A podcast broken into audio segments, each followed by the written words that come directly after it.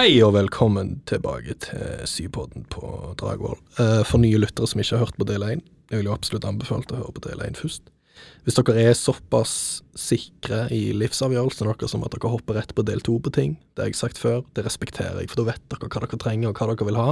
Det, det, det ligger en liten respekt i det. det, det vil jeg bare si rett ut. Men eh, hvis dere hørte første del, da, så hørte vi Andreas snakke litt om eh, langtidshukommelsen. Eh, vi driver og ser på sammenhengen mellom episodisk og semantisk hukommelse. Altså, hittil så vet vi liksom eh, at det er noe samspill der mellom semantisk og episodisk hukommelse. Men at disse strukturene har litt ulik kapasitet. Så før vi hopper til Andy Hvis dere ikke har hørt på del én, dette er siste sjanse. For hvis ikke, vær klar for del to.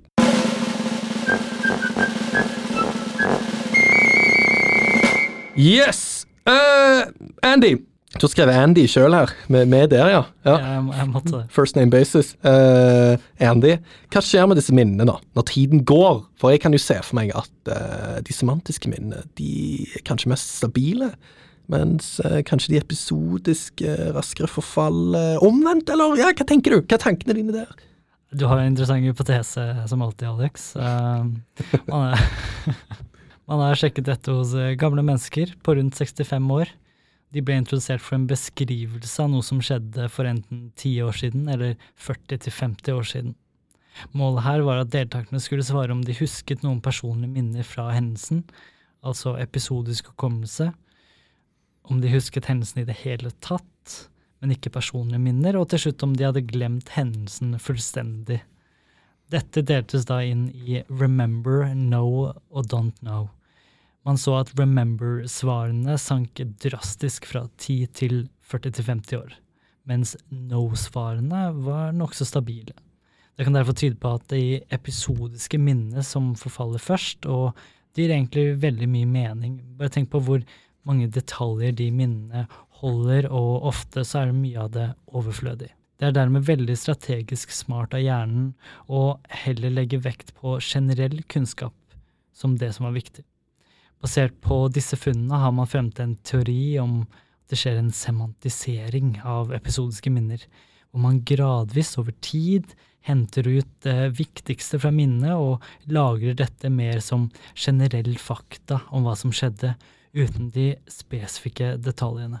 Er nesten litt sånn som chunking, da, på en, på en måte. Ta og Samle det sammen litt. Uh, så for å oppsummere Andreas uh, sine poeng her, uh, så kan vi si kort at episodisk hukommelse, de, de lagrer de personlige minnene fra hva man opplever, mens semantisk hukommelse lagrer fakta som konsepter, ideer og andre generelle beskrivelser.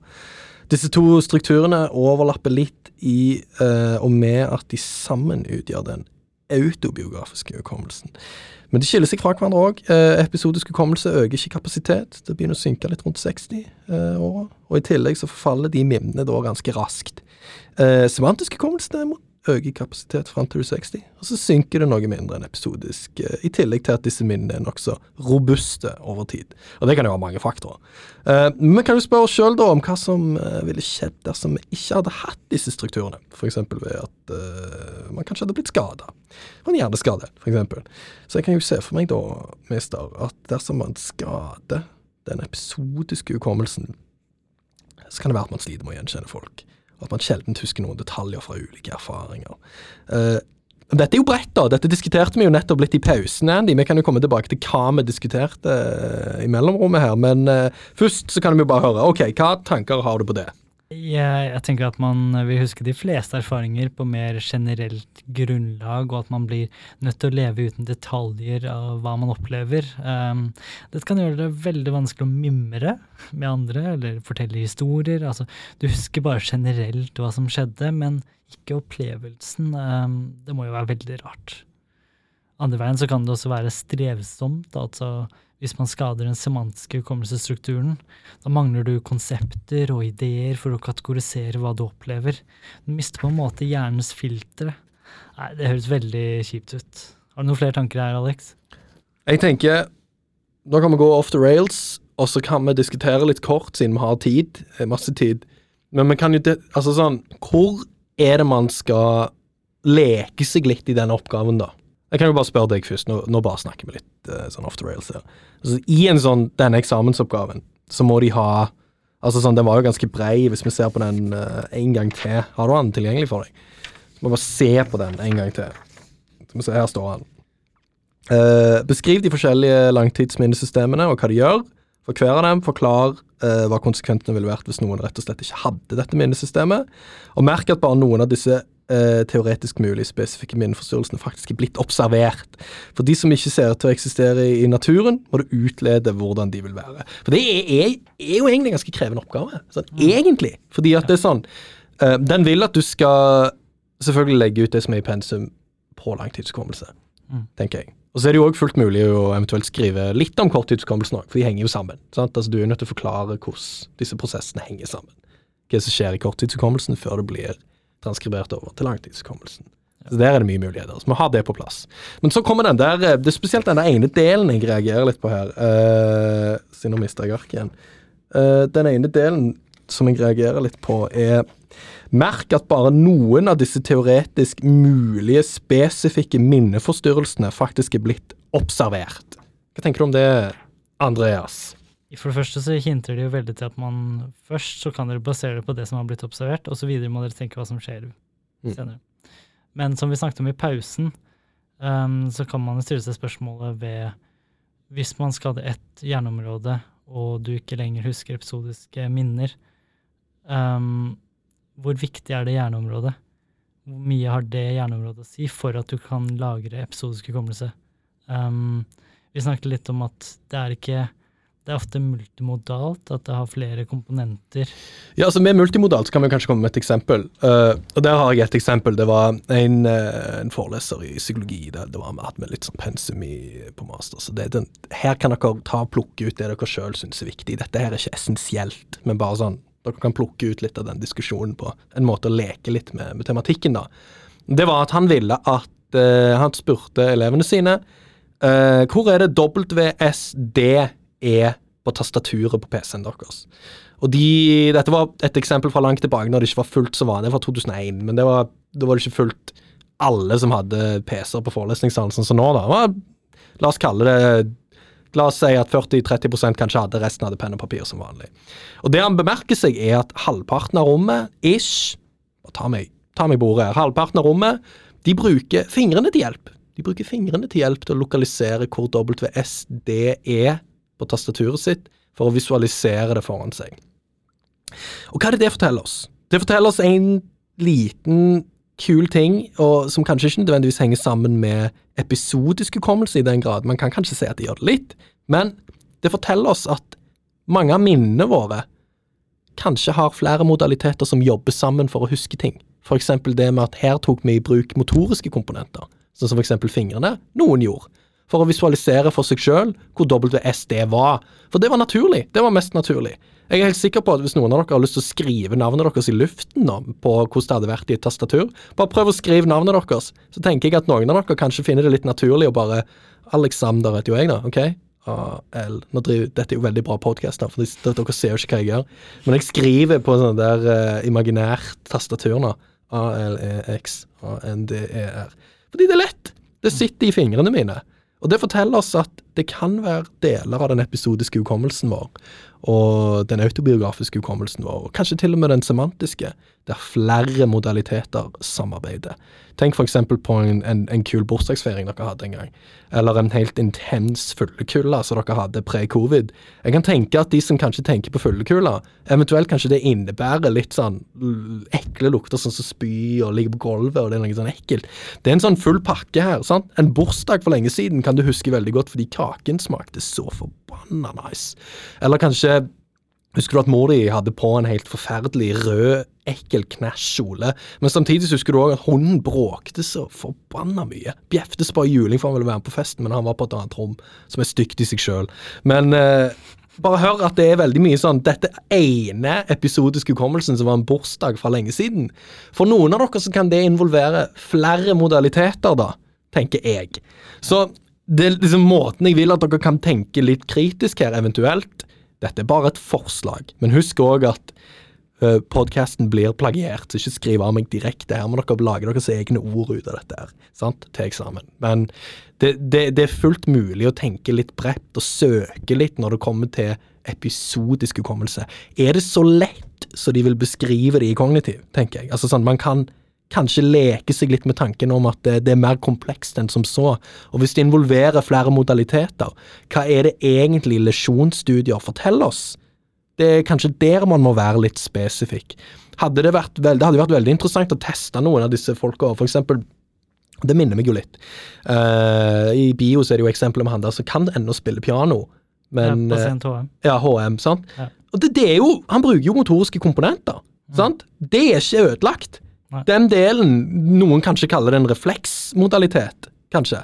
Ja, vi, vi kommer inn på det. Det, jo, det går en prosedural hukommelse. Altså Det kommer i en senere episode. Ja. Men det er jo et godt eksempel. Mm. Altså Det er jo et godt eksempel der man hiver inn et motorisk komponent som er med og hjelper deg på hukommelsen din. Ja. Sånn?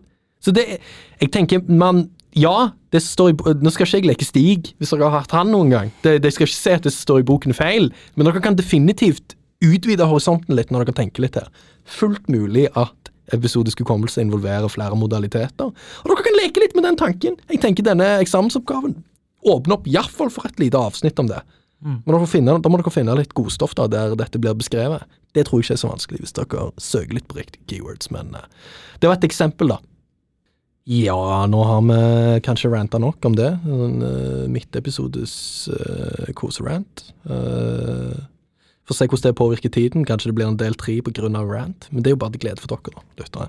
Så da har vi kommet til siste post for dagen på denne her punktet. Uh, så det er bare å take it away, Andy. Nå har jeg spart opp de beste godbitene til sist. Nå har jeg røpet litt, da. Uh, men nå kommer vi til å se på den implisitte delen av uh, langtidshukommelsen. vil si den delen man ikke er bevisst over, men som man fortsatt har, som har stor påvirkning i livene våre. Boka deler opp eh, den hukommelsen i tre deler. Vi har eh, prosedural hukommelse, deretter priming og til slutt betinging. Eh, vi starter med prosedural hukommelse først. Dette er en struktur som brukes hele tiden. Antageligvis akkurat nå som du er på vei eller fra Dragvoll. Dette er nemlig strukturen som sørger for at du kan utføre dagligdagse ting, som å gå, holde en kopp, snakke osv. Her snakker vi om det vi kaller muscle memory, Alexander nevnte i stad dvs. Si minner om hvordan noe skal utføres. Dersom man prøver å styre denne prosessen bevisst, kan det gå dårlig. Jeg pleier å løpe opp trapper, uten at det er noe spesielt god grunn til det. Eh, og det som ofte skjer, er at eh, hvis jeg blir bevisst over hvordan jeg løper, så kan jeg bomme på noen trinn og falle. Jeg pleier akkurat å slippe unna, men eh, poenget her er fortsatt valid. Dette er en ubevisst prosess som man sjelden bevisst tenker over. Jeg håper dere husker pasient HM, han hadde skadet den mediale temporallappen, som inkluderte hippocampus. Han fikk dermed retrograd amnesi, hvor han ikke kunne huske de nyligste minnene sine, selv om barndommen var noenlunde intakt. Han kunne heller ikke forme nye episodiske minner, men han klarte å trene opp sin prosedurale hukommelse, som vi nevnte i stad. Han lærte seg blant annet å tegne med speil, noe som er veldig vanskelig for de fleste. For han så opplevdes hver økt som første gang han gjorde det, men musklene husket hvordan prosedyren skulle utføres, så han ble veldig god. Her ser vi derfor et skille mellom prosedural hukommelse, altså mindre hvordan man skal gjøre noe, og episodisk hukommelse. Og denne strukturen er vel eh, noenlunde stabil over livsløpet, eller ganske stabil. Ja, ja. Ja. det stemmer. Så vi har altså en uh, veldig stabil, ubevisst struktur som ikke direkte er knytta til episodisk hukommelse. Veldig bra, Alex. Hva tror du skjer hvis denne strukturen blir fjernet, da? Nei, nå har jeg allerede ranta litt. Og Jeg vet ikke om jeg kan, uh, vet om jeg kan godte meg med en rant til, men uh, la, oss, uh, la, oss, leke litt, da. jeg tror kanskje ikke at det er mulig å fungere uten en, denne formen for minne, fordi den handler om styrken på visse nervebaner og deres muskelgrupper. Nå skal vi ikke prøve å skremme de som har profesjon til ikke hatt bio, men det er veldig enkle, veldig enkle termer. Det blir kanskje derfor vanskelig å fjerne strukturen, da, uten å fjerne alle snarveiene som hjernen bruker for å utøve handlinger.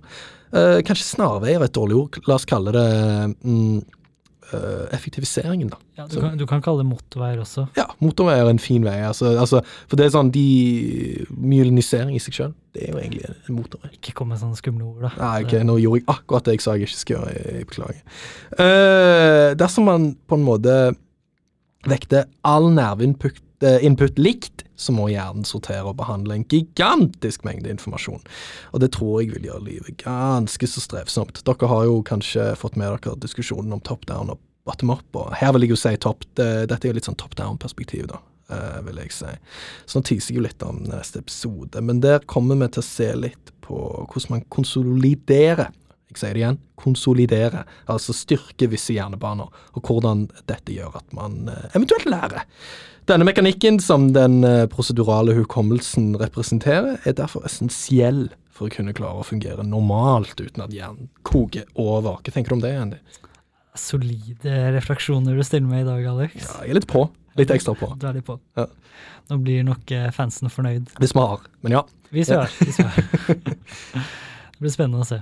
Um, nå kan vi jo se litt på de to siste delene av eh, langtidshukommelsen. Priming vil jo si at man blir manipulert ubevisst av et stimuli før eller mens man gjør en vurdering. Man har selvfølgelig forsket litt på dette, det må man jo, og i forsøket skulle deltakerne lese en liste med ord og vurdere dem ut ifra hvor mye de likte ordene. Deretter ble de testet på hvor mange ord de husket. Her ble de enten bedt om å gjenta ordene eller fylle inn resten av ordet. Hvis ordet var volum, så fikk deltakerne se vol, og bedt om å fylle ut de siste bokstavene. Interessant nok så gjorde deltakerne med Korsakovs syndrom, dette er et syndrom hvor man husker veldig dårlig, ofte som et resultat av mye drikking, de husket dårligere enn vanlige deltakere og vanlige alkoholikere ordene direkte. Altså ren gjenkallelse av hva de nettopp hadde sett. Men de gjorde det like bra som de andre på oppgaven for utfylling av de siste bokstavene til ordet. Dette tyder på at det har skjedd en priming hvor man får en gjenkallingstegn som henter ut kunnskapen ubevisst. Priming vil derfor si at man blir påvirket av ubevisste prosesser, som gjør f.eks. gjenkallelse lettere dersom man har skadet den eksplisitte hukommelsen. Men vi kan jo spørre oss selv hva ville skjedd om vi ikke hadde hatt denne strukturen? Det er nok ikke avgjørende i noen grad, men reklamefirmaer ville nok ikke hatt så mye å gjøre. Så reklamefirmaene, uten at de vet det sjøl, benytter seg av based theorem på sett og vis. De sitter og lurer oss med priming og priors. Jeg tror du ikke vet det? Ja, kanskje de gjør det. Nei, BI-folk. BI-folk med uh, tre års markedsføring, de vet ikke at de driver med base theorem. Uh, det, uh, beklager for alle potensielle BI-lyttere som hører på her, eller folk som vurderer BI etterpå. Hvis dere vurderer BI etter årsstudiet i psykologi, så vil jeg si at dere har et, et stort steg foran de, altså. Allerede. Det vil jeg si. Så um, det er en hyllest til dere. For dere som blir med oss videre, takk skal dere ha. Det er et godt poeng du sier der, Andy. Eh, dere vet jo at reklamefirmaene de bruker knep, og det er å satse på at dere møter reklamen deres ofte nok til at det utvikler en preferanse for eh, produktene. Heller deres produkter da enn et ukjent merke. Det er en grunn til at dere ser mye Disney Pluss-reklame ute og går om dagen, og litt Cola f.eks. Men eh, dersom denne strukturen hadde blitt skada, så hadde dette blitt litt vanskelig. Men som Andreas sier, så er det nok ikke denne delen av den implisitte langtidshukommelsen essensiell på noen som helst måte. Det er i bunn og grunn basert på assosiasjoner som gjør det lettere å huske eller gjenkjenne ting. Og jeg har jo allerede ranta om andre ting i det aspektet òg tidligere i episoden, men eh, ja, tenker du om det? det er sterk oppsummering, det er som vanlig. Ja, takk skal du ha. Til slutt har vi klassisk betinging, siste posten. Jeg regner med at de fleste av dere husker litt av dette fra bio eller psykologiens historie. Jeg håper i hvert fall det. Jeg vet uh, ikke er mange som er fan av det, men uh, Jeg lagde noen kanonpodder på historie ja, forrige semester, så jeg forventer at mine lyttere er greit skolerte i Pavlovs verden. Men videre, ja. her snakker vi om uh, å trene opp en assosiasjon. Eh, det mest kjente eksempelet er jo med Ivan Pavlov sine hunder. Han trente opp hundene sine til å forvente mat når de hørte en bjelle, og når han hadde gitt dem mat sammen med en, et klokkering mange nok ganger, så begynte hundene å sikle bare de hørte bjellene ringe. Her trener man derfor opp en ubevisst forventning eller reaksjon. Skinner tok dette videre til operant betinging, men det kommer vi ikke til å se på nå i dag. Så hva tror du skjer hvis vi fjerner denne strukturen, Alex? Kan jo definitivt anbefale episoden om eh, betinging og skinner hvis dette er ønskelig for uh, den lærde kropp uh, av våre lyttere. Uh, jeg tror det blir vanskelig, til ditt spørsmål da, jeg tror det blir vanskelig å forstå sammenhenger. For hvis man ikke har den assosiasjonen mellom utførelse og resultat, så er det vel gjerne vanskelig å vite hva man skal gjøre. Tilbake til base, da. Det, igjen. Se for deg at du ligger i senga og alarmen ringer hvis du ikke forstår at det betyr at du skal stå opp, altså at du ikke har den assosiasjonen, så blir det kanskje vanskelig å vite hva man skal gjøre.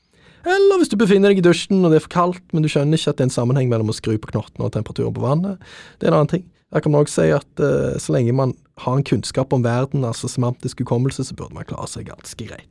Men uh, her driver Andreas og putter ordet i munnen på meg. Det er skummelt når han skriver 'men jeg vil argumentere'. Så får vi se om jeg er enig i argumentasjonen, da. Men jeg vil argumentere for at det er litt vanskelig å skille mellom semantisk hukommelse og betinging, fordi konseptet om noe ofte har en del som knytter det til noe annet. Og det har vi jo rant om i dag, faktisk. Mm. Så for eksempel konseptet om sjampo, det kan være knyttet til hår, og dersom du gjør håret vått, knir litt sjampo vasker det igjen, så vil håret bli mindre skittent. Det er da assosiasjonen som du har lagt deg sjøl. Det kan muligens være klassisk betinging.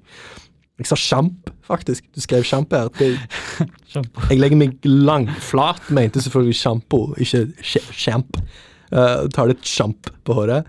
Uh, OK, jeg tror jeg datt litt ut, men det gjør ingenting. Jo, siste poeng. Uh, hvis dette kan kalles klassisk betinging, da, dette med sjampo og det med håret, kanskje, da gjør vi at man mister en forståelse av kausalitet, og jeg tror verden blir vanskelig å forholde seg til. Så verden er nok mer kompleks, ja. Det er det nok ingen tvil om, enn som så. Men det er et fint konsept å ta med seg, tenker jeg, når vi snakker om langtidshukommelse. Ja. Um, dette er da filosofen Alex, alle sammen. I dag har det vært mye, faktisk. Det har det. Free space. Det ble helt grusomt å legge inn etterpå i forhold til uh, plagiat. Nei da, men det kommer til å gå fint. Uh, ja, Er det noe mer vi trenger å si da? Nei, uh, jeg kommer ikke til å toppe det innlegget. Det er selvfølgelig flere sammenligninger man kan gjøre mellom de ulike strukturene, og husk at det ikke er farlig å reflektere litt rundt hva som kan skje hvis den og den strukturen skades eller slutter å fungere. Det er jo det oppgaven ber om. så lenge dere har noen kunnskap som legger til grunn, så kan dere reflektere rundt mye. Ja, nå kunne vi jo egentlig sikkert flytta den diskusjonen vi hadde midt i episoden her, men uh, nå vil jeg jo nesten anbefale å uh, På et senere tidspunkt så kan dere jo høre på den ranten på ny etter dere har hørt ferdig hele episoden, eventuelt, hvis den gir mer mening nå. Eller dere kan bare spole tilbake og høre. Det var litt tilfeldig at den datt der. Er bare, Av og til så kan jeg ikke styre meg sjøl. Altså sånn, av og til så må informasjon må ut, Andreas, mm. til folket. Uh, jeg kan ikke sitte her i NRK P2-style og på en måte ikke ta grep når det trengs, da. Ellers så blir dette her litt sånn jazzhjørne. Det går ikke. Uh, men utenom det så vil jeg jo egentlig bare si at dette er et gigantisk uh, tema. og hvis det kommer på eksamen, så vil jeg si at dere er heldige, for dette er en veldig god mulighet for dere å vise hva dere kan.